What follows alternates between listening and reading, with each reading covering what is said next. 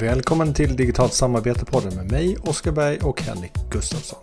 I detta avsnitt så tar vi oss an utmaningen med att etablera gemensamma arbetssätt för samarbete. Varför det är så svårt att få dem på plats och vad man bör göra åt det. Vi pratar också om varför det är så viktigt med gemensamma arbetssätt för samarbete och då får vi gå tillbaka till sånt som vad är samarbete egentligen? Och vilka är hörnstenarna som får det att komma på plats? Men mer om detta under samtalet. Återigen, välkommen!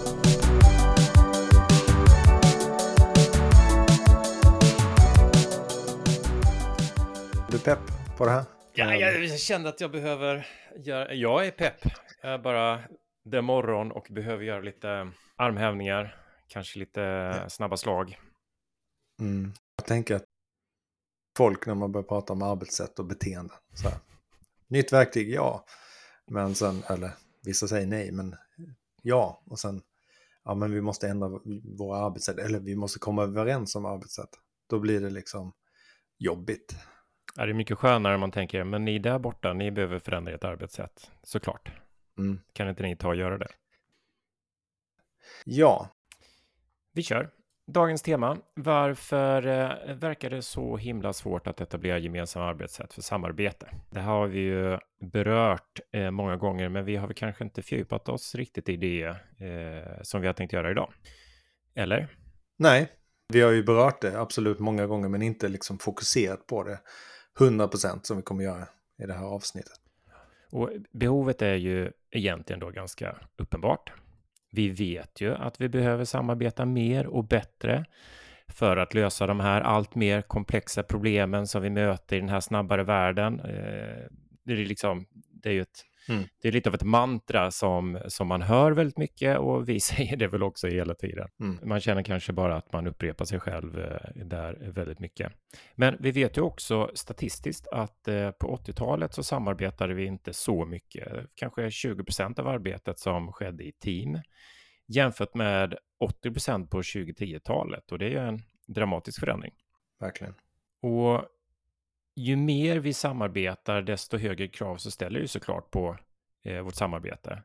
Det blir ju allt viktigare att det här samarbetet är effektivt och att det är eh, engagerande och att det ger de resultat som vi vill. Och vi jobbar ju med många olika organisationer och jag tror att du håller med mig om att det finns någon form av utbredd låt gå-mentalitet kring samarbete som man, som man inte hittar när det gäller andra arbetssätt i verksamheten. Absolut, det gör det ju definitivt. Och jag tänker också att man kanske tror att samarbete det är något som löser sig av sig självt. Att, eh, liksom, hur svårt kan det vara? Det är väl bara att samarbeta, det kan vi ju sedan tidig ålder. Och jag tror inte att man tänker på att vi alla är olika som personer, vi har olika förmåga att samarbeta och dessutom har vi alla de här hindren som finns i en organisation. Att, eh, att vi har olika mål, och, alltså vi kanske saknar det här tydliga gemensamma målet och incitamenten för att samarbeta. Vi kanske ska eh, sakna andra förutsättningar som exempelvis grundläggande gemensamma arbetssätt. Ja, jag tänker när du nämner sandlådan, jag vet inte hur bra samarbetet fungerade i alla lägen där. Men, men... efter den, efter den så kunde vi samarbeta. Det är ju det. Alltså när vi väl lärde oss som tvååringar att inte kasta sand på varandra, då var ju det done deal, eller hur? Ja, precis. Ja, men jag, tänker att det, det, handlar väl mycket om okunskap egentligen, eh, som gör att team får hitta på egna sätt att samarbeta på, samtidigt som individer eh, och deras preferenser och kanske mer eller mindre medvetna beteenden tillåts styra mm. och avgöra väldigt mycket om eh, till exempel att ett möte blir effektivt eller hur väl man delar information med varandra i ett projekt.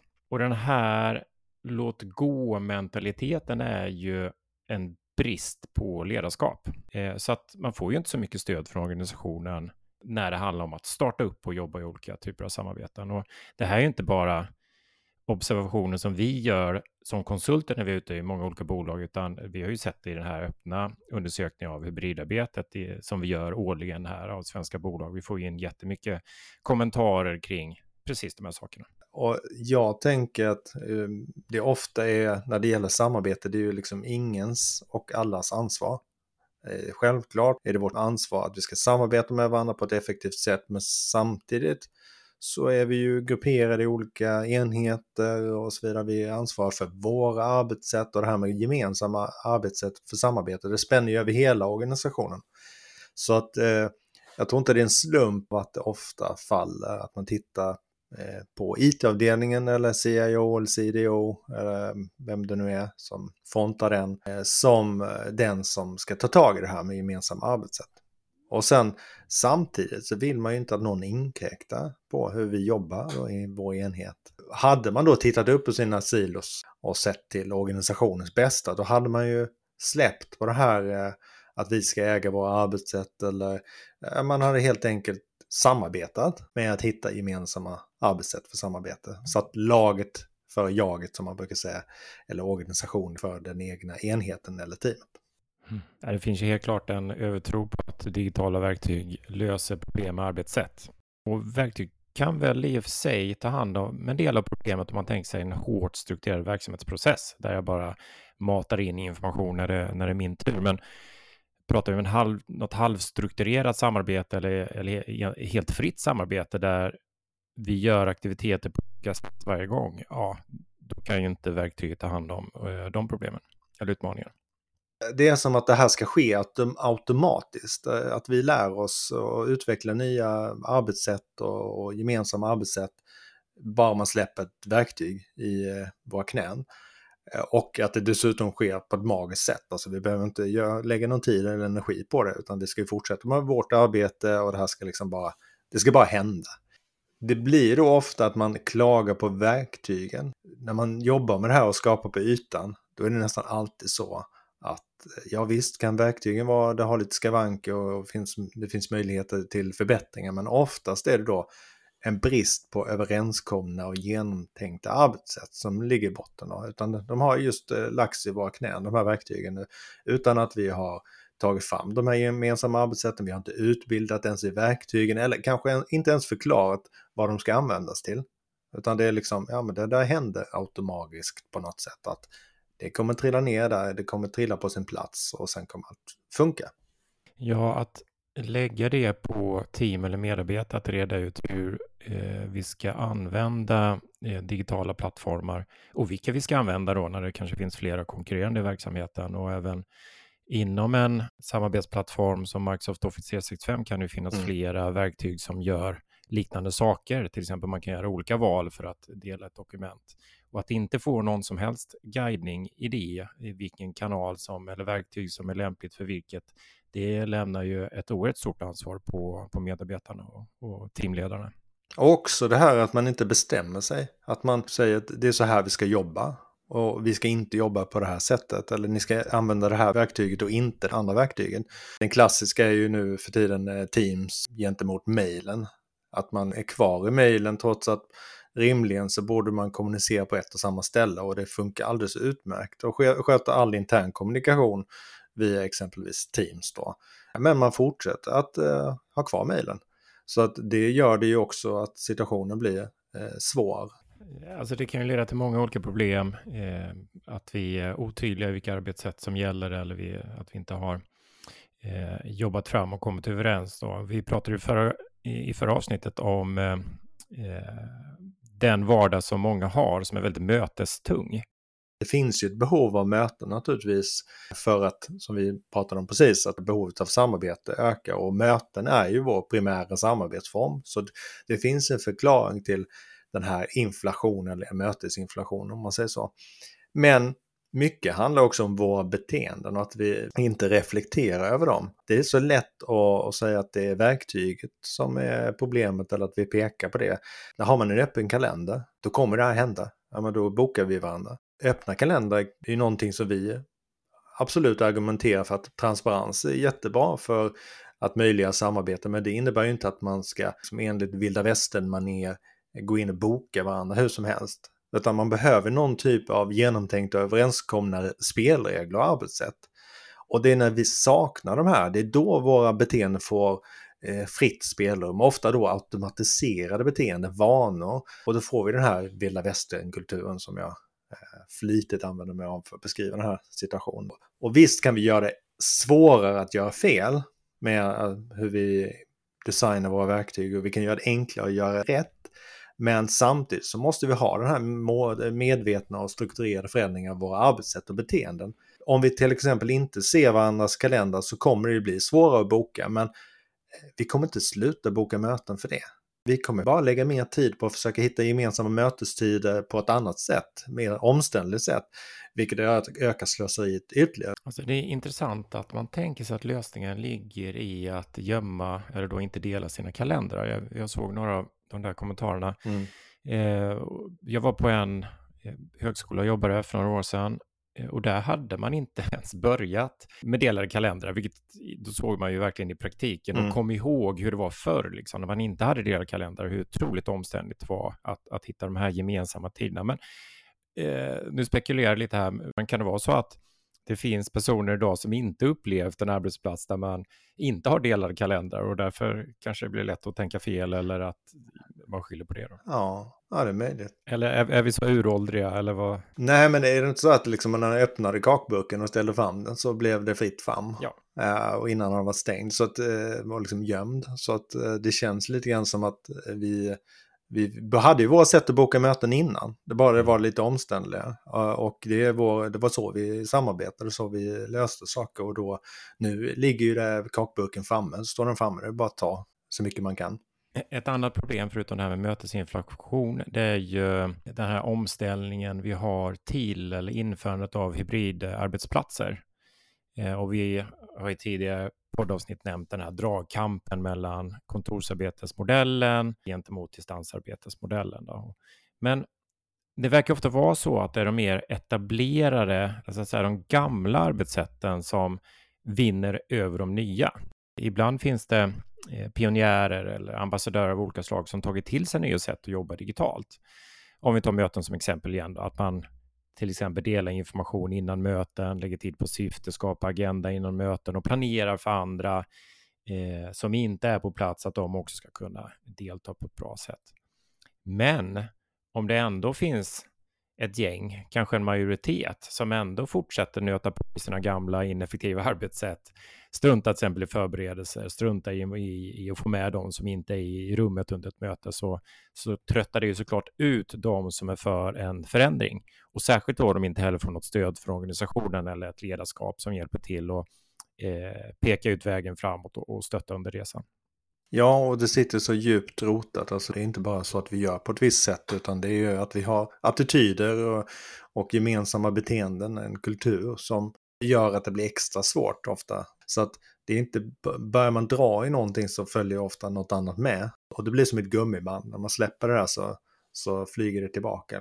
Ja, men jag gillar den här gummibandsliknelsen. Vi hade ju ett exempel från en matvarukedja där man börjat etablera nya sätt att kommunicera på kontoren men där en ny hög chef klampade in och började återigen då mejla allt och alla och, och kräva omedelbara svar och, och, det var liksom en tydlig tillbakagång till hur det varit tidigare. Och det var ju som att gå in eh, med en sån här mm. rivningskula som, som man alltid såg kalanka serierna för. Det slog ju sönder de här nya, lite bräckliga samarbetskonstruktionerna. Så att alla rättade in sig i ledet omedelbart i det här ineffektiva gamla arbetssättet, för det har man ju i ryggmärgen på något sätt. Så jag tycker att det här är ett jättebra exempel på vikten av ledarskap då som till godo eller, eller, eller ont i det här fallet. Och ledarskap som att det egentligen inte handlar om något mystiskt utan handlar om hur man leder. Alltså arbetssätt. Den här gamla myten om att jag är en sån här ledare och det här är min stil och så kommer man in i en organisation och ska alla anpassa sig efter det. Den är helt galen egentligen. Att leda är ju att samarbeta brukar vi prata om och det handlar bara om att få människor att samarbeta på ett effektivt sätt tillsammans och skapa resultat. Så om man inte tar hänsyn till det och tänker på ledarskapet utifrån det perspektivet, då är det stor risk att man försämrar en organisations eller teams samarbetsförmåga. Ja, men du är inne på definitionen av samarbete, att arbeta tillsammans för att lösa problem eller eh, nå mål. Och då vi väl också då tillsammans komma överens om ett arbete ska ske så att det inte blir den här vilda västern du är inne på. Mm. På lite olika hörnstenar eller viktiga delar som behöver finnas på plats för att ett samarbete ska funka bra. Och jag tror de flesta har varit med om det häftiga i ett samarbete när det bara flyter på och verkligen funkar. Man tycker man gör stordåd. Då om man inte upplevt det på jobbet så kanske man upplevt det inom idrotten eller, eller i skolan eller privata sammanhang. Eh, och det, det kan ju vara så, så härligt och så att vi till och med hamnar i någon slags gruppflow då allt känns möjligt. Vi bara agerar helt instinktivt eh, tillsammans som, som en helhet då, i bästa fall. För det är ju så här, de som är med i ett samarbete och tycker att uppgiften känns intressant och relevant och att det finns ett förtroendefullt och öppet sätt att kommunicera och en tydlighet i hur man ska jobba ihop så, så kan vi bli produktiva och kreativa väldigt snabbt. Och det kan ju handla om ett möte, det kan handla om en workshop, det kan handla om ett, ett team som jobbar ihop över tiden eller ett projekt. Mm. Vi har ju en modell, eller vi brukar prata om något som kallas samarbetstriangeln, där de här hörnstenarna är att vi har eh, å ena sidan ett engagerande syfte, alltså det känns meningsfullt att engagera sig i det här samarbetet. Vi pratar om två då, tillitsfulla relationer, att det finns ett förtroende eh, oss emellan som är med i det här. Och vi har eh, tre effektiva arbetssätt. Oerhört viktiga delar för att det här ska flytta på. Och vi brukar också lyfta fram att det är viktigt med en samarbetskultur i centrum, det vill säga att de som är med är samarbetsorienterade och har en viss vana av att samarbeta. Men det kan ju vara så att alla de här delarna inte är på plats när samarbetet startar. Men då kan ju ett par starka hörnstenar underlätta för att snabbt etablera de andra. Som känner vi att det här är väldigt engagerande syfte med det här samarbetet, vi har stor tillit till varandra, ja men då är det ganska lätt att snabbt reda ut i, i och fixa och sätta de här lämpliga arbetssätten. Eh, eller tvärtom. Nu pratar vi lite grann om samarbete som det är något som sker inom team, det här dynamiska, interaktiva och så vidare. Men egentligen så är ju allt vi gör inom en verksamhet någon form av samarbete. Det är inte bara det här dynamiska och interaktiva. Det är även när vi samarbetar exempelvis via strukturerade processer och system. Då är det ett samarbete, men vi tänker inte på det som ett samarbete. För det ställer liksom inte samma krav på oss. Just det är ju ett exempel där man har väldigt tydliga, effektiva arbetssätt. Du behöver inte ha något gemensamt syfte egentligen. Alltså bara du gör din del i det här. Du behöver inte ha speciellt tillitsfulla relationer mellan de som är inblandade i processen för de kanske inte ens ser varandra eller vet om att vi finns. Men helt plötsligt behöver vi lösa saker. Har vi inte då ett gemensamt syfte varför vi jobbar med det här och tillsammans och har vi inte relationer, då kan det bli svårt att skapa det här dynamiska interaktiva samarbetet som krävs för att vi ska lösa de här problemen. Så att även där behövs det ju den förmågan. Verkligen. Eh, vi gick ju i plugget någon gång på 90-talet och då kom eh, den här rörelsen med processutveckling. Eh, business process reengineering och. Och vad det handlar om, det var ju att man försökte se eh, hur arbete sker i en verksamhet på ett nytt sätt. Att man försökte bli mer kundorienterad och fokusera på de aktiviteterna som faktiskt tillförde någonting så att det blir synligt vad som var mer overhead eller byråkrati och sådär. Då börjar man tänka väldigt mycket i processer som gick tvärs över de här hierarkiska delarna i verksamheten. Så, och, och börja titta på, kan vi strömlinjeforma det här på något sätt? Kan vi underlätta överlämningar och sätta fokus på var man skapar värde?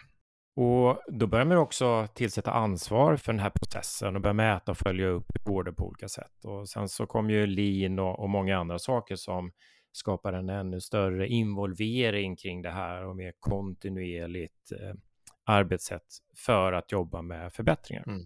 Sen finns det en massa andra metoder också som, eh, som är viktiga om man ska titta på verksamhetsutveckling. Det kan vara allt från systemtänkande till lärande organisationer, eh, designtänkande, agilitet och så vidare. Det finns en massa här. Men det jag tänker är det centrala i alla de här, det är ju att kartlägga och synliggöra hur man jobbar. Och, och för att få en samsyn hur man faktiskt gör eller jobbar tillsammans. Och om man får fram en sån karta så blir det ofta väldigt tydligt var är slöserierna, var är hindren och man kan då börja jobba med att förbättra eller optimera det här på olika sätt eller till och med radikalt ändra arbetssätten, kanske drivet av nya digitala möjligheter. Och de som lyckades, det var ju det här, de som inte bara synliggjorde det här utan som tillsatte ansvar, skapade strukturer, alltså processägare och liknande team som jobbade i process Eh, dimensionen då tvärs över den hierarkiska organisationen. Om för att dra alltså parallellen till det här med samarbete så är det inte så många som ens har någon som är ansvarig för samarbete. Ja, men precis. Jag, eh, pratade på ett seminarium förra veckan mm. och då frågade jag, vilket, vilket jag gör ibland, för det finns en pedagogisk poäng tycker jag. Då frågade deltagarna i publiken, vem är det som ansvarar för samarbete och kunskapsarbete i deras verksamhet? Och då blev ju svaret eh, lite som det brukar bli, alltså det låg lite på alla och egentligen på, på ingen. HR som driver vissa saker som handlar om kompetens och lärande och IT driver på det här med verktyg som vi varit inne på. Men införandet och koppling till verksamheten blir ganska svag. Och det är ju helt enkelt så att i de flesta verksamheter så är det ingen som egentligen tar ansvar kring samarbetet och de arbetssätten och driver på och ser till att det blir någon form av systematisk förbättring. Eh, därav liknelsen med det här processarbetet och vilka eh, effekter det faktiskt har fått. Det är någonting som jag tycker blir uppenbart när man börjar skapa byten kring hur de jobbar och, och, eller inte jobbar med samarbete. Det är att de inte heller jobbar med process i någon större, större utsträckning. Alltså jag såg en uh, artikel, nu är det nog ett par år sedan, av uh, Thomas Davenport som också var en av de här pionjärerna på 90-talet kring processförbättringar. Han, han menar att det inte finns någon eh, Taylor eller Henry Ford för kunskapsarbete och samarbete. Han menar inte att det inte funnits företag eller organisationer som experimenterat med det här, liksom testa olika tillvägagångssätt under de senaste decennierna egentligen. Men det finns ändå en brist på kunskap i de flesta organisationer av vad som faktiskt funkar. Man har liksom inte tagit vara på det här experimenten som ändå har bedrivits. Och man har inte gjort så som man har gjort inom processförbättringsrörelsen, att man verkligen dokumenterar arbetssätten och förbättringsåtgärderna och följer upp och, och jobbar med det här löpande. Ska man hitta någon motsvarighet till eh, Taylor kring eh, eh kunskapsarbetare så är det väl Drucker kanske. Eh, I alla fall den som har tänkt mycket på det men sen har inte, inte skapat någon metod för det. Mm. Vi har knuffat den här eh, Sisyfus-stenen upp för backen många gånger och sen har den trillat ner över oss. Eh, det är inte bara ett gummiband, det känns nästan som det är den här Sisyfus-stenen man rullar upp så rullar den ner i all oändlighet så försöker man igen. Då. Men det känns som att vi är på väg mot en brytpunkt, eh, tycker jag, och det är inte pandemin. Pandemin var en accelerator för att flytta fram det lite grann, för, för sen åkte gummibandet tillbaka. Eh, en hel del efteråt. Men jag tänker också på det här med AI som kommer få oss att eh, behöva förändra våra arbetssätt. För det kommer förändra inte bara hur vi jobbar utan vad vi jobbar med. När man helt plötsligt kastar upp väldigt mycket av det vi traditionellt sett gör som kunskapsarbetare i luften och ser vad, vad är det som trillar ner på oss och vad är det som trillar ner på en AI. Då, då kommer vi också oundvikligen att behöva jobba med att förbättra våra arbetssätt. Ja, men det är intressant du är inne på vad är det som pushar oss eller vilket stöd får vi? Mm. Tiago Forte på Forte Labs, eh, han säger också så här, han tycker att vi får ju egentligen ingen utbildning i hur man utför samarbete och kunskapsarbete i skolan. Nej. Han säger att det, det finns ingen kurs i skolan om hur man prioriterar sin e-postinkorg eller hanterar sin öppna kalender eller organiserar sina filer. Och när vi börjar jobba så är det inte heller vi får de här kurserna hur vi dokumenterar vår kunskap eller förbättrar eller automatiserar våra vanligaste uppgifter. Vi kan lägga jättemycket tid och pengar på vissa specialiserade färdigheter, men det som vi egentligen gör hela tiden och som mest grundläggande färdigheten av alla, hur man hanterar samarbete och kunskapsarbete, det, det mm. har bara liksom, det är ju det här låt gå som vi har varit inne på. Kan det inte också vara så här att det är lite en, en konsekvens av att det är så vad-fokuserade? Om man tar liknelsen med skolan här, där skulle man ju stoppas full med liksom fakta.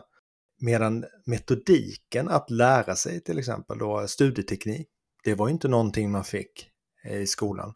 Och det är inte någonting som tar väldigt mycket plats i dagens skola heller. Som är kanske det viktigaste redskapet man har för att bli en ja, produktiv kunskapsarbetare, kreativ kunskapsarbetare. Det är ju att man får metodiken. Det är bättre då att lära sig teknikerna, metoderna för att hitta kunskap, validera den eh, så att vi kan använda den, än att vara, ha allt i vårt huvud.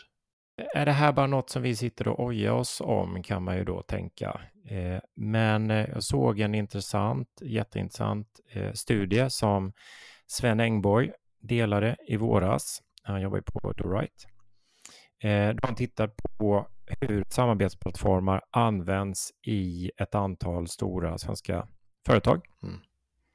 Och eh, det var lite deprimerande på så sätt att han eh, visade siffror som synliggjorde att det var inget eller obefintligt engagemang i många, förlåt att jag skrattar, men i väldigt många av de här samarbetsplattformarna samt att viktig information för verksamheten göms i privata mejlchattar och mm. fillagringsytor. Då. Det såg han och jag tror även vi som tog del av det här såg det här som ett bevis på fiaskot som varit med det sätt som man jobbat med införande av eh, nya plattformar och eh, nya arbetssätt. Mm. Och det är ju det här teknikdrivna sättet att antingen så lanserar man bara plattformen eller så lanserar man plattformen men man har en väldigt tekniskt driven utbildning i alla möjliga funktioner i de här verktygen utan att koppla det till arbetssätt och förmågor. Och man ifrågasätter inte de nuvarande eh, arbetssätten då heller, utan eh, det blir ju så att man, eh, som vi brukar kalla det, asfalterar kostigar. Man slänger in nya verktyg, men så jobbar man ju på gamla sätt i de här verktygen som du nämnde här med de här samarbetsplattformarna som Teams. Då använder man inte den här teamen och, och eh, öppnar chatten, utan då går man till de här eh, gruppchattarna som är privata. Och det, och det, är ingen större skillnad i beteende från eh, nuvarande liksom sätt eller det tidigare sätt att mejla och ha möten eh, där bara de som är deltagare i mötet kan få höra vad som sägs och så vidare. Alltså man delar inte med sig så mycket från, från det som hände i mötet. Så det är egentligen samma beteende som man upprepar eller kopierar och eh, eh, använder då i de här nya verktygen. Och det blir att man asfalterar kostigar för man använder inte de möjligheterna som finns i det här. Så att en del är ju absolut utbildning. Men en stor del är också krav och att man bestämmer sig för att förändra gamla arbetssätt, beteenden och tankesätt. Och det är ju inte någonting som man bara blir färdig med efter en liten utbildning, utan det här är någonting man, för att det här inte ska smälla tillbaka alltså, som ett gummiband, så måste man också ha uthållighet, att man håller i det här så att det blir en eh, beteendeförändring, så att det blir en kulturförändring. Verkligen. Ska vi avsluta med lite praktiska tips? Vad kan man göra då? Alltså även om inte det här centrala stödet riktigt finns, vad, vad kan jag göra? Mm. Ja, I självledarskapet, om man ser det så, eller vad jag kan göra själv, så kan det ingå att dagligen se över sin planering och prioritering och fundera över hur den här arbetsdagen bäst genomförs. Så det är ju kanske en daglig aktivitet för de flesta, men varje vecka, kanske på fredagen, ta en liten stund och reflektera över det egna arbetssättet och hur man kan göra det bättre inför planeringen av nästa veckas arbete. Det är en här väldigt konkret sak. Mm. Och på samma sätt införa i det närmsta teamet en rutin där vi gemensamt reflekterar över förbättringar.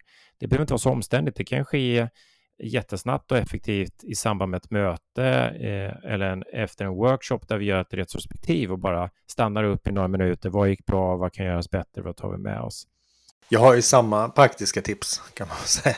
Nej, men alltså, det är att komma igång och utforska och försöka definiera, komma överens om gemensamma arbetssätt inom de team vi arbetar idealiskt sett skulle vi ha det här att vi tar fram gemensamma arbetssätt som organisation. För vi behöver ju också jobba tvärs team och vi behöver ju liksom sätta ihop nya team och helst att vi har eh, har vi en grund av gemensamma arbetssätt när vi gör det, då kommer det bli mycket lättare att få igång samarbetet. Men någonstans så börjar ju inom de team vi jobbar och helst gör det innan vi går in i ett nytt samarbete. Alltså inte att det kommer som en eftertanke när vi redan kört på ett tag och stöter på problem och det här funkar inte. Utan att tänka på, på det här från början. Och medvetet just som du är inne på reflektera över och utvärdera hur vi jobbar. Att vi allokerar tid och formaliserar det här reflekterandet och lärandet så att vi verkligen gör det. Och gör vi inte det så är det egentligen detsamma sak som att vi visar att det här med samarbete, det tar vi inte riktigt på allvar. Sådana kloka ord, Oskar. Jag kan inte toppa det här i någon eh, avslutning känner jag. Får fila på det till nästa avsnitt då. Nej, men vi kan väl eh, dra ett streck där. Ja, det tycker jag. Det kan väl räcka för denna gång. Verkligen. Tack så länge. Tack själv, Henrik.